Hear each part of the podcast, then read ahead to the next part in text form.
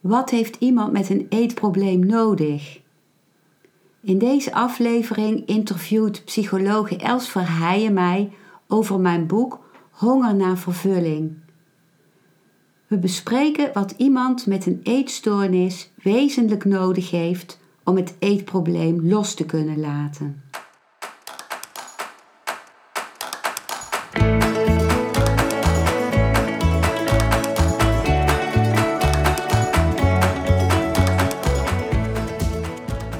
Welkom bij een nieuwe aflevering van Modita's podcast Van Pijn naar Zijn. De podcast waarin ik je meeneem voorbij de pijn in je leven naar wie je diep van binnen bent. Hoe kun je beter omgaan met je gevoelens? Hoe vind je rust in je hoofd? Wat zit er precies achter je pijn? En vooral, hoe kun je steeds meer jezelf zijn? Adem eens diep in en uit. Ik wens je veel luisterplezier.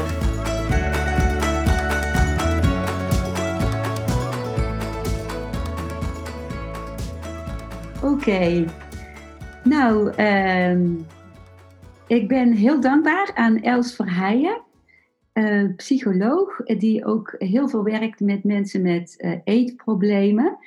Dat zij mij vandaag wil interviewen over dit onderwerp waar zij zo veel ervaring mee heeft. Uh, um, dus heel hartelijk dank, Els. Ja, graag gedaan. Hè?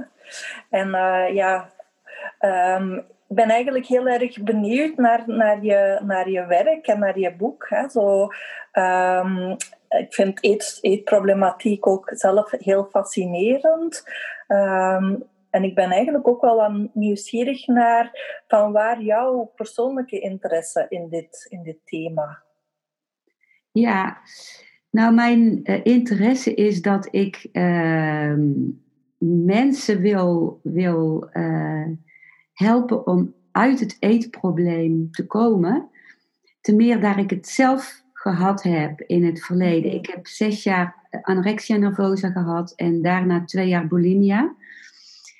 En ik weet wat voor een, een uh, ja, wat, wat de gevangenis is waar je dan in zit en waar je niet uit lijkt te komen, terwijl je ook tegelijkertijd het eetprobleem nodig hebt omdat er niks anders is om jezelf houvast te geven. Ja.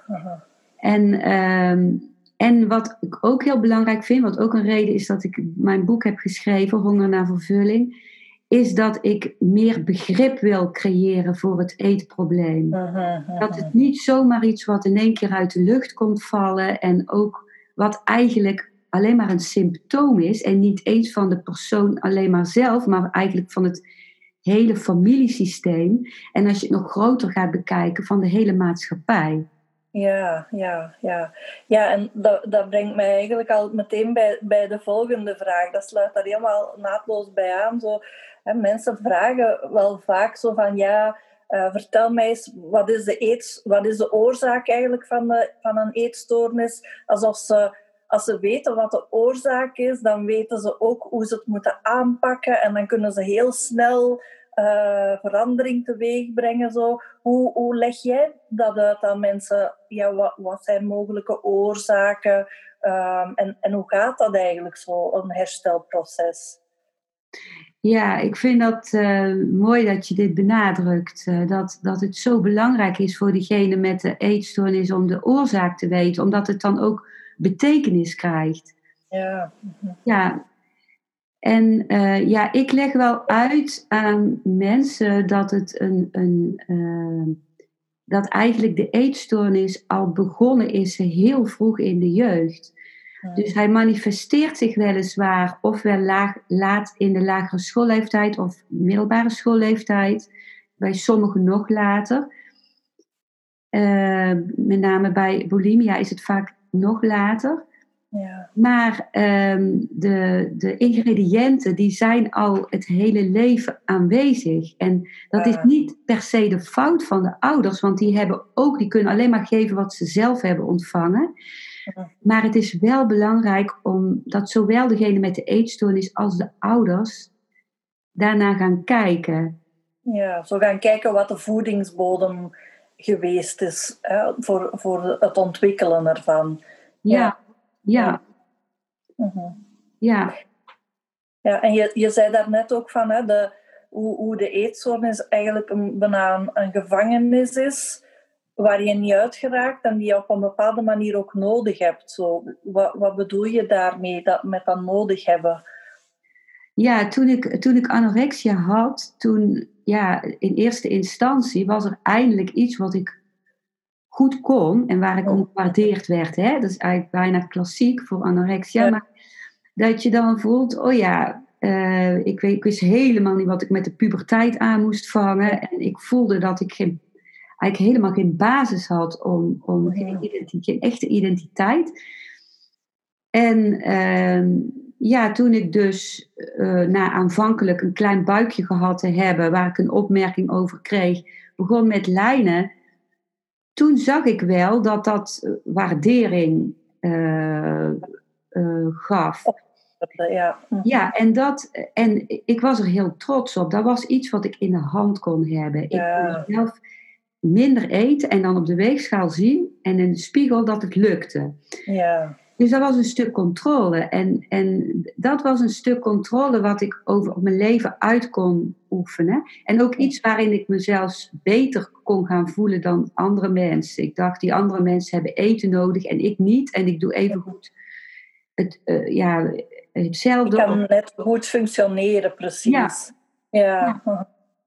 En bij de bulimia was het juist de, ja, er was alles zo overweldigend, alle emoties en zo. Dus dan die eetbuien gaven de verdoving en ook een, een hele korte termijn bevrediging. Dan had ik tenminste even warmte in mijn buik en, en iets wat, ja, ik kan niet eens zeggen dat ik het lekker vond wat ik at. Ik proefde nauwelijks. Mhm. Maar uh, het gaf wel een houvast. Of ik, ik kon dan in ieder geval naar de koelkast of naar de kast met de koekjes rennen. Om, ja, dat was dan mijn grip op het. Ja. ja.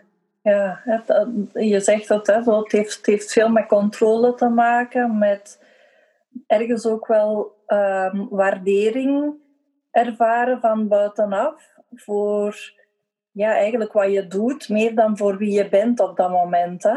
Ja. ja. Dat is mooi gezegd. Voor wat je doet, meer dan voor wie je bent. Dat vind ik heel mooi gezegd. Ja. ja. En, en, en, en, en die waardering voor wie ik ben, die kon ik niet voelen. En die werd daar ook niet mee opgelost. Ja. ja. En, en ik vermoed dat dat dan ook wel een stuk is waar herstel over gaat. Hè? Over het zoeken naar wie ben ik en wie mag ik zijn ook in, in het leven. Zo, um, kan je daar wat meer over vertellen? Ja, dat, dat vind ik ook mooi, Els, dat jij dat op, op eh, LinkedIn in jouw profiel benadrukt. Dat, dat het gaat over zingeving, hè? over ja. Mhm. zin in het leven vinden. En ik heb heel lang niet kunnen voelen wie ik zelf was. Ik, ik, ehm, ik, ik had, mijn moeder die had in haar puberteit in het Japanse concentratiekamp gezeten in Indonesië, waar zij geboren is. En ja, dat was allemaal zo erg en ook zo traumatisch dat ik dacht, mijn moeder die heeft tenminste iets meegemaakt. En wat ik meemaak, dat valt in het niet daarbij. Dus ik voelde me een schaduw van haar. Mhm. En eh, ik stelde me ook voor als de, de oudste dochter van degene die in het concentratiekamp heeft gezeten. Dat was mijn, Dat was jouw identiteit. was mijn ja, is mooi gezegd, dat was mijn identiteit. Dus het, het heeft heel lang geduurd voordat ik dat contact met mezelf kon gaan vinden. Mhm. En dat is eh, voor met name gebeurd toen ik uiteindelijk in mijn bulimia-periode therapie ging eh, halen. En met name door de lichaamsgerichte oefeningen. Bijvoorbeeld Mhm. een bodyscan of Mhm. eh, emotioneel lichaamswerk. Waarbij ik de relatie met mijn lijf en met de emoties ging voelen. Ja, ja. Ja. Dat je met, in contact kwam met, met stukken van jezelf die voordien zo wat afgesneden waren dan?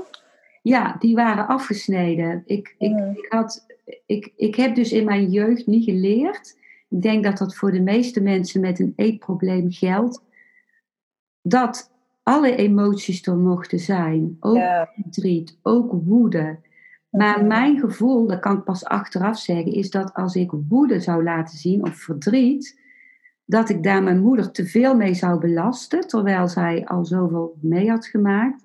En ook deep down ben ik als kind bang geweest haar dan kwijt te raken. Mhm. En hetzelfde geldt voor mijn vader, want die kon ook geen emoties uiten.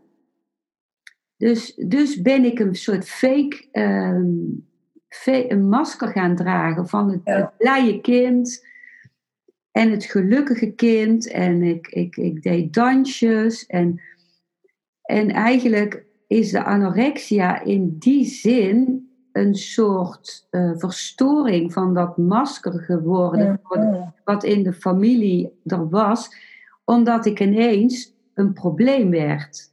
En het werd ook zichtbaar voor de buitenwereld dat er iets mis was.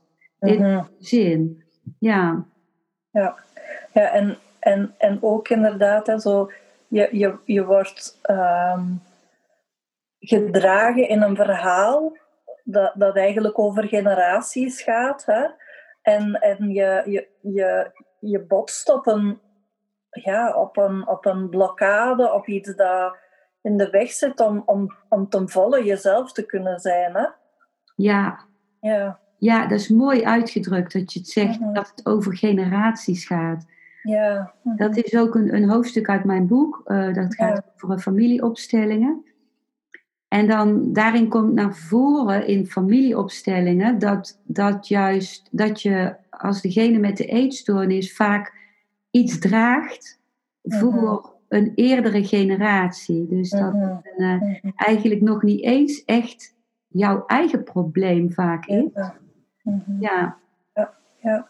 En dat het zo de, inderdaad, hè, zo de, de, bijna de uitwassen of de uitvloeiselen zijn van, van eerdere stolsels die, die, die jij dan in je draagt. Hè? Ja. En, en bij de anorexia is dat ook echt wel heel erg gestold. Hè? Het zit zo vast allemaal. Dat, ja. er, precies zo geen beweging in te krijgen is. Hè? Ja, dat klopt. Ja. Ja. En, en wat zou je aan mensen met een eetstoornis aanraden om daar wel wat beweging in te krijgen? Um. Qua hulpverlening bedoel ik dan zo misschien wat meer. Hè? Ja, voor de hulpverlening zou ik aanraden dat. Ehm, bedoel je dan dat ja, voor persoon met de eetstoornis, hè? Welke, wat, zou die, wat zouden voor, voor die persoon um, stappen kunnen zijn om daar wat beweging in te krijgen in, in het hmm. eigen proces? Zo? Ja, um, ja bij, bij ik merk dat als ik hierover nadenk, dat ik in mezelf een verschil maak tussen degene met anorexia en degene met bulimia. Terwijl het in feite twee kanten van dezelfde medaille zijn. Hè? Er is geen strikt onderscheid. Ja. Omdat voor degene met bulimia denk ik dat, uh, dat ook de, de stap naar hulpverlening best moeilijk is, omdat er heel veel schaamte is ja. over de eetbuien. En dat wordt door de maatschappij vaak gezien als iets wat op wilszwakte berust. Ja. Terwijl dat helemaal niet zo is. Iemand heeft juist vaak een hele sterke wil. Maar uh, ik denk dat de drempel om hulp te vragen als, als iemand de juiste persoon tegenkomt, die die vertrouwt, voor bulimia minder groot is dan voor degene met anorexia. Omdat je zo dreigt te groeien in gewicht, mm omdat je zo baalt van het braken, wat ik zelf dus nooit gekund heb. Maar, maar dat wil niet zeggen dat voor degene met bulimia ook de drempel vaak heel hoog is. En voor degene met anorexia is de drempel extra hoog, omdat eigenlijk datgene waar je zo trots op bent, ja. wat jij bereikt en jouw wilskracht en jouw discipline en jouw manier om met die, met, door het niet eten zin te geven aan je leven, dat dreigt door anderen die allemaal op je inspringen van je moet eten, van je afgepakt te worden. Ja. Dus de, de, de neiging is om helemaal niet in de buurt te komen van iemand die therapie wil gaan geven. Ja. Dus ehm, ja, wat de uitnodiging... Dat, is wat we noemen de weerstand inderdaad. Hè? Zo, uh, hè, zo van mensen, mensen met een eetstoornis, ja, die, die willen niet geholpen worden, wordt er dan gezegd. En zo, klopt dat volgens jou? Nee, nee, dat klopt totaal niet. Mhm. Maar ik denk dat de, de, de allereerste stap is niet de focus op het eten, mhm. maar op wat jij ook benadrukt bij LinkedIn, op de zingeving. En ik bedoel, als je met anorexia heel laag in het gewicht zit, dan heb je daar bijna geen energie meer voor om daarmee bezig te zijn. Want dan is alles eigenlijk in je lichaam op overleven gericht. Ja. Maar ik denk dat het belangrijk is dat, dat uh, mensen om degene met de eetstoornis heen in de eerste plaats praten met, met diegene over wat voel je nu eigenlijk. Los van van, van het eten, helemaal niet over het eten praten. En wat voel je en uh, ook wat, wat, wat is wat jij wil in je leven? Wat is voor jou belangrijk? En wat zou je graag willen? Waar wil je naartoe mm. groeien? Ja. Ik denk dat die dialoog eerst op gang moet komen. Mm-hmm, mm-hmm. En dan dat de therapie daarvoor in dienst kan staan. Ja. En, ja. Ja, als mensen voelen wat voor hen uh, belangrijk is, wat hen zin geeft, wat hen betekenis geeft, dan, dan vinden ze daarin ook inspiratie en motivatie en, en kracht om, om, om ja, de moeilijke stappen te zetten die er daarna nog zullen komen. Hè? Ja. ja. Dat vind ik mooi dat je dat benadrukt. Ja. Dat hele moeilijke stappen zullen komen. En daar denk ik iedereen met het eetprobleem ook heel bang voor. Om, Mhm. Omdat je wel voelt dat er een beerput aan gevoelens en zo onder zit. Mhm. Hoewel ik moet zeggen dat anorexia voor mij meer als een depressie voelde. In de zin van dat ik totaal geen contact meer had met mijn gevoelens. Mhm, mhm. Hm. Ja, en dat is ook iets wat, wat mensen eh, vaak zeggen en, en waar ze ook wel wat angstig voor zijn. Van als ik dan in gewicht ga toenemen, wat gaat er dan allemaal loskomen? Hè? Wat ga ik dan allemaal weer voelen? Zo? Ja. Ja, en, en, en dat moet ik ook eerlijk zeggen dat dat ook bij mij gebeurde. Ja. mhm. Voor mij was het uiteindelijk een motivatie toen ik eenmaal bulimia had. Toen moest ik voor de therapie nog 5 kilo aankomen in gewicht om met de Mhm. therapie te mogen beginnen. Ja. Ik zou dat hulpverleners niet aanraden, omdat je juist in, in die toename van gewicht zoveel ondersteuning nodig hebt. Ja. Ja, Ja. bij de gevoelens. Ja. Maar ik voelde enerzijds dat ik weer ging leven, dat ik weer kon lachen, kon huilen. Maar aan de andere kant kwamen ook juist ook de bedreigende gevoelens. Ja. mhm. ja. Ja. Ja, en, en dat is toch ook iets dat ik zelf wel voel, zo dat, dat de therapie wel helpt om die, ehm, die gevoelens te, eh, ruimte te geven. ehm, een, een, ehm, hoe moet ik dat zeggen? Dat, dat, je, dat je helpt om die te omarmen en om die te dragen ook, hè, te verdragen ook. Ehm, hè, dat, dat ze er mogen zijn. En dat is iets, als je dat nog nooit gedaan hebt, nooit geleerd hebt, dat, dat best eng is. Hè? Ja, Dat is weer zoiets heel nieuw. Ja. ja, dat klopt. Dat is echt wat jij zegt, is dat zo kostbaar als er iemand naast je staat die het gewoon bij je blijft als die emoties komen. Want als kind ben je natuurlijk gewend dat je, je, je ouders zich van je afkeerden als die Mhm. soort emoties kwamen. En Ja. dat er dan iemand alleen maar aanwezig blijft en inderdaad vertelt dat je ze gewoon mag voelen. En dat je dan even goed nog gezien wordt en gewaardeerd wordt. Ja. Ja, ik weet ook dat op een gegeven moment een therapeut eh, vertelde ik aan haar van dat ik het verschrikkelijk vond dat ik aankwam en dat al het vet om me heen drilde, zo voelde ik het dan. En zij zei eigenlijk niks, maar ze bleef met heel veel aandacht aanwezig. Mhm. En dat was voor mij kostbaarder dan dat ze wat dan ook gezegd had. Ja, ja, Ja, want daardoor was mijn gevoel mocht er gewoon zijn. inderdaad. Hè? Ja. mhm, mhm. Het werd niet weggemaakt, het werd niet geminimaliseerd of niet gerationaliseerd. Zo. Het mocht er gewoon zijn. Ja. Ja, en Ja. dat is belangrijk ehm, eh, voor de therapeut. Dat de therapeut bereid is om zelf al zijn issues met eten, met lichaamsgewicht, met identiteit, met ook met eh, als er weerstand komt van, de, van degene met de eetstoornis, dan kan een therapeut zich al heel gauw afgewezen voelen. Want heel veel therapeuten hebben net als ik het hulpverlenerssyndroom, hè, dat ze hun identiteit eh, willen baseren op de ander helpen. Ja, Ik ben dat nou aan het afleren, maar dat is een harde noot om te kraken, moet ik zeggen. Maar eh, het is belangrijk dat een, een therapeut ook supervisie heeft voor zichzelf.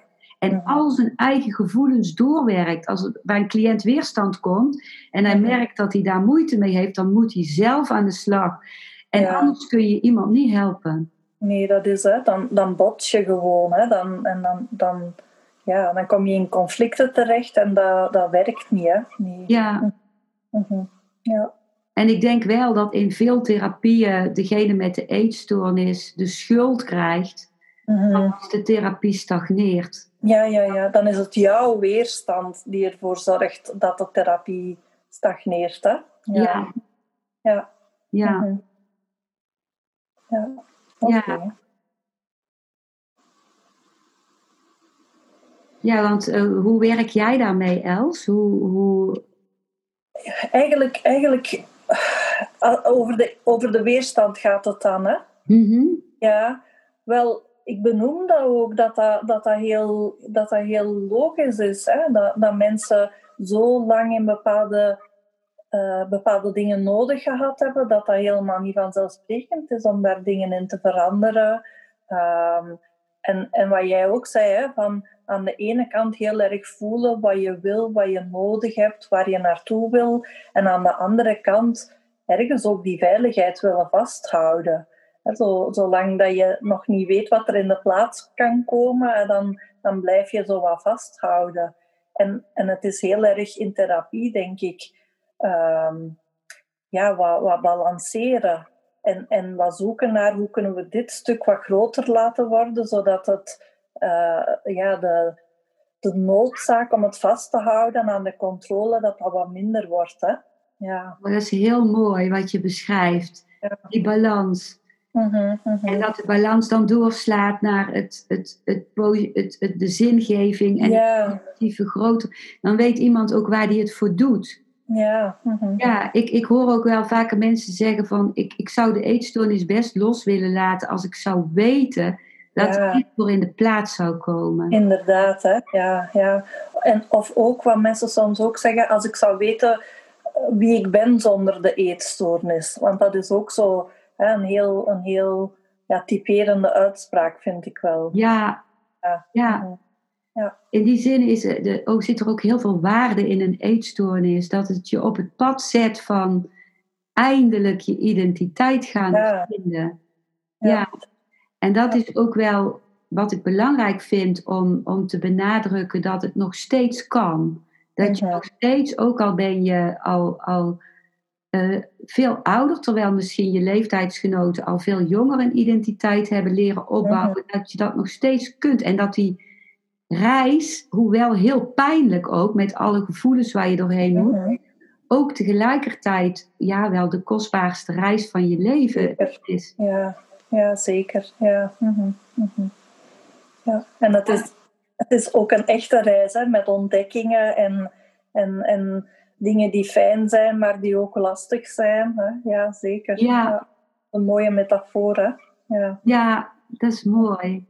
Mhm. En wat ik ook wel hoor, dat mensen heel veel ehm, op zoek zijn, ook wel, want het eten moet dan wel niet eh, de nadruk hebben, maar toch op zoek zijn ook wel naar begeleiding in Ja. hoeveel moet ik nu eten en Ja. geef me daar een houvast in en Mhm. maak zelfs een contract met mij waar ik me aan houden. Is dat ook jouw ervaring? eh? Ja, ja, ja, ja. Nu, dat stukje kan ik wel wat uit, uitbesteden aan, eh, aan een aantal diëtisten waar ik mee samenwerk, voe- voedingsdeskundigen, ehm, die dat eigenlijk op een hele mooie manier aanpakken en vooral starten bij waar zit je nu, wat is nu je eetpatroon en wat kunnen we daar zo wat in opbouwen, zodat je eh, de dingen gaat eh, opnemen die nodig zijn om te kunnen leven volgens wat je, wat je graag zou willen kunnen doen ook. Eh, en welke energie heb je daar dan voor nodig?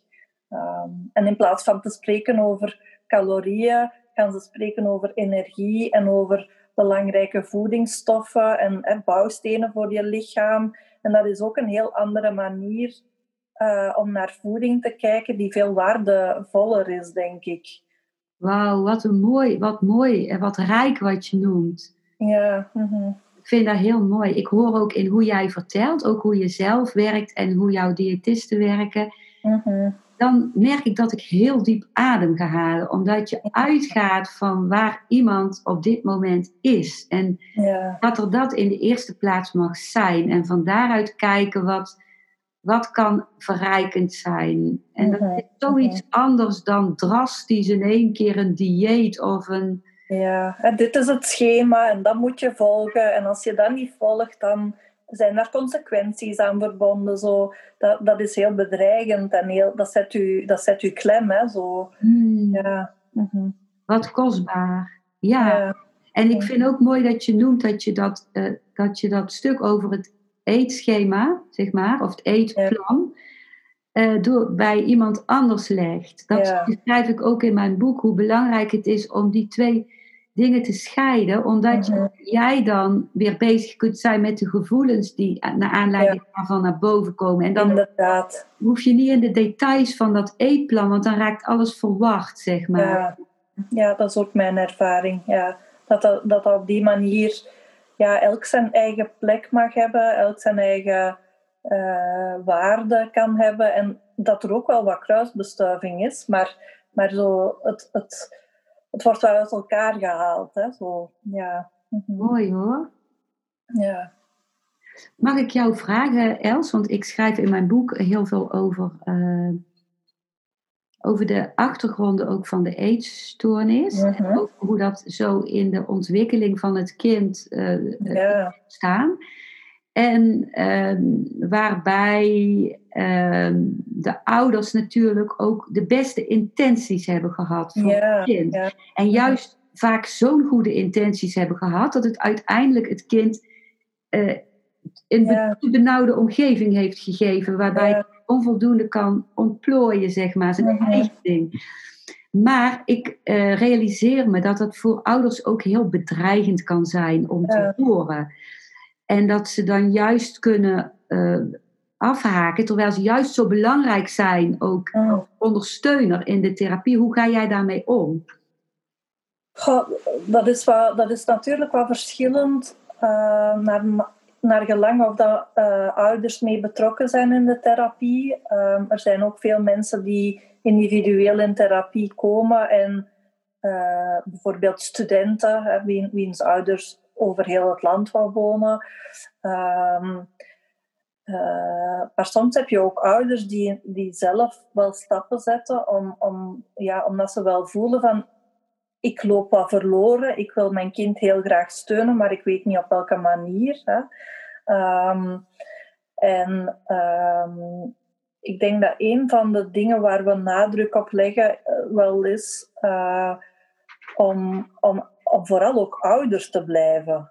Hè, en niet, niet de therapeut of niet de, de coach die het eetplannen zal gaan, eh, gaan begeleiden. Ehm, of een van de tips is ook om zeker tijdens het eten geen opmerkingen over dat eten te geven. Laat dat maar, laat dat maar zijn. Hè. Zo, dat is iets eh, wat dat buiten, buiten allee, ik bedoel dan bij de diëtist of in de therapie wel verder zal opgevolgd worden. Maar ehm, ja, en dan, dan merk je dat ouders het daar ook heel moeilijk mee hebben, hè, om dat los te laten. Zo, hè.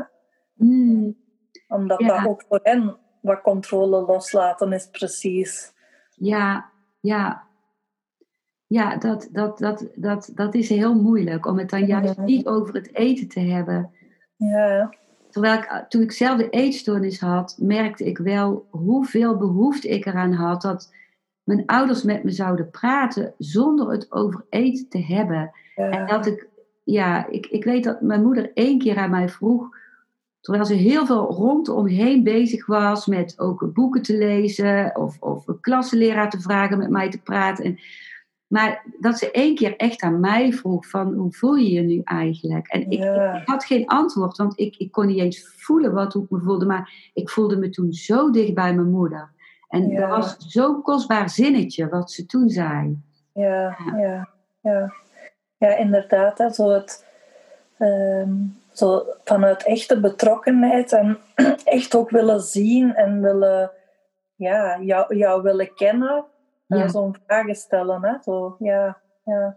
Dat raakt me dat woord wat je zegt. Ja. Je willen kennen. Dat Ja. raakt me echt in mijn hart. Ik denk, je wil gekend worden. Mhm, Niet mhm. als kind waarvan je ouder al weet hoe jij bent.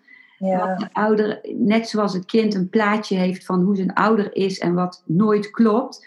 Zo mhm. heeft denk ik de ouder ook het plaatje van een kind. Dat je zus en zo bent. Maar zo ben je niet. Eh. Ja, Ja, je, je, dat, dat, is, dat is wat je vaak ook wel voelt als kind. Hè? Dat je zo, ja, als, als iemand zegt van, ah, dat, ah, kijk eens wat een flink meisje.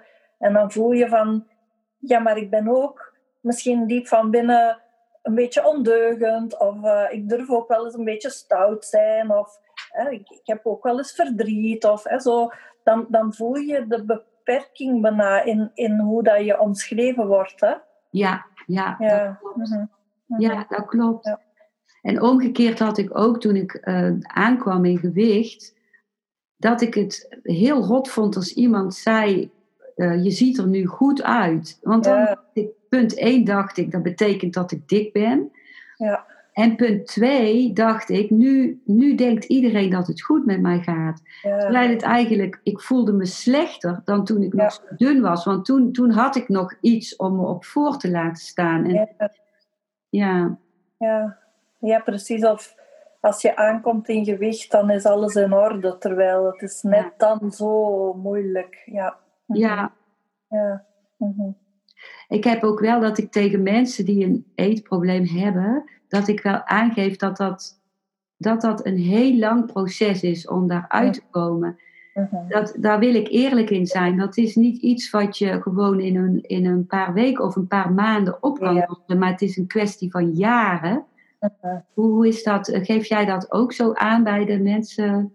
Ja, ik, ik geef in ieder geval mee dat, dat, het, een, dat het een lang proces is. Ehm, en dat we de therapie minstens een jaar de kans moeten geven eh, om, om, om te voelen wat dat er allemaal mogelijk is en wat er nodig is ook. Ehm, en mensen schrikken daar wel wat van. Maar als ik dan eh, vraag van, ja, en hoe lang, hoe lang heb je die moeilijkheden eigenlijk al? En dan gaat dat ook over jaren. Hè? Dus Mhm. zo gek is het dan niet dat het, dat het ook best wel lang duurt om daar wat verandering in te brengen. Hè? Want het heeft ook zo lang kunnen opbouwen. Ja, ja, dat is mooi om dat zo uit te zetten. Mhm, Ja, dat vind ik mooi eh, gezegd. mhm, En, en wat mijn eigen ervaring ook is geweest, is later in mijn therapie. Ik moet zeggen dat ik ook na de bulimia kreeg ik nog depressies. Dus ik denk dat die uiteindelijk weer onder de eetstoornis Mhm. verborgen lagen. En toen heb ik ook nog heel veel therapeutische processen gedaan. En toen is voor mij uiteindelijk ook meditatie heel belangrijk geweest. Ja. mhm, En nog steeds, omdat ik denk uiteindelijk is het sluitstuk van therapie is meditatie. Omdat je dan zelf met je aandacht naar binnen kan gaan en bij jezelf kunt zijn. En je Ja. eigen anker hebt. Hoe, hoe zie jij dat, Els? Ja, voor, mij, voor mijzelf is dat geen meditatie, maar focusing. Maar dat is eigenlijk een gelijkaardig een ander proces, maar een gelijkaardig proces, omdat je inderdaad met je aandacht naar binnen gaat en, en leert voelen van wat doet dit nu eigenlijk met mij? Of hoe zit ik er nu bij? Of ehm, ja, wat heb ik nu nodig ook? Hè? Dat, je, dat je leert te voelen en daarop te vertrouwen. Niet alleen met je verstand, maar ook met je, met je hele zijn. Ehm, ja, wat je nodig hebt in het leven. Hè? Ja, ja dan, dan denk ik dat wat jij met focussen doet en ik met meditatie, dat dat heel, heel veel raakvlakken heeft. Ook, ja. Ja. ja. ja. En zo de mildheid ook, hè. Ik denk dat dat ook in meditatie zit, hè. Zo de mildheid om, om naar jezelf te kijken en te laten zijn wat er is, zo, hè. Ja. Ja. Mhm. Kun je ook iets vertellen, uh, Els, over wat uh, jij werkt bij de stichting Anorexia en Bulimia Nervosa? Ja. Uh, het, het, Vlaamse deel, hè? jij, dat ook het Nederlands deel. Wat de stichting Anorexia en Bulimia Nervosa doet voor mensen met eetstoornissen. Ja, uh, eigenlijk zetten wij in op drie pijlers. Het eerste is informeren. Um, en dat gaat over mensen wat vertellen over wat zijn eetstoornissen. Um, onder andere aan de hand van verhalen, maar ook informatie uit boeken. Uh, wat, wat zijn eetstoornissen? Um, wat, zijn, wat, zijn, wat, betekent het om hulp te zoeken? Uh, welke stappen kan je daarin zetten?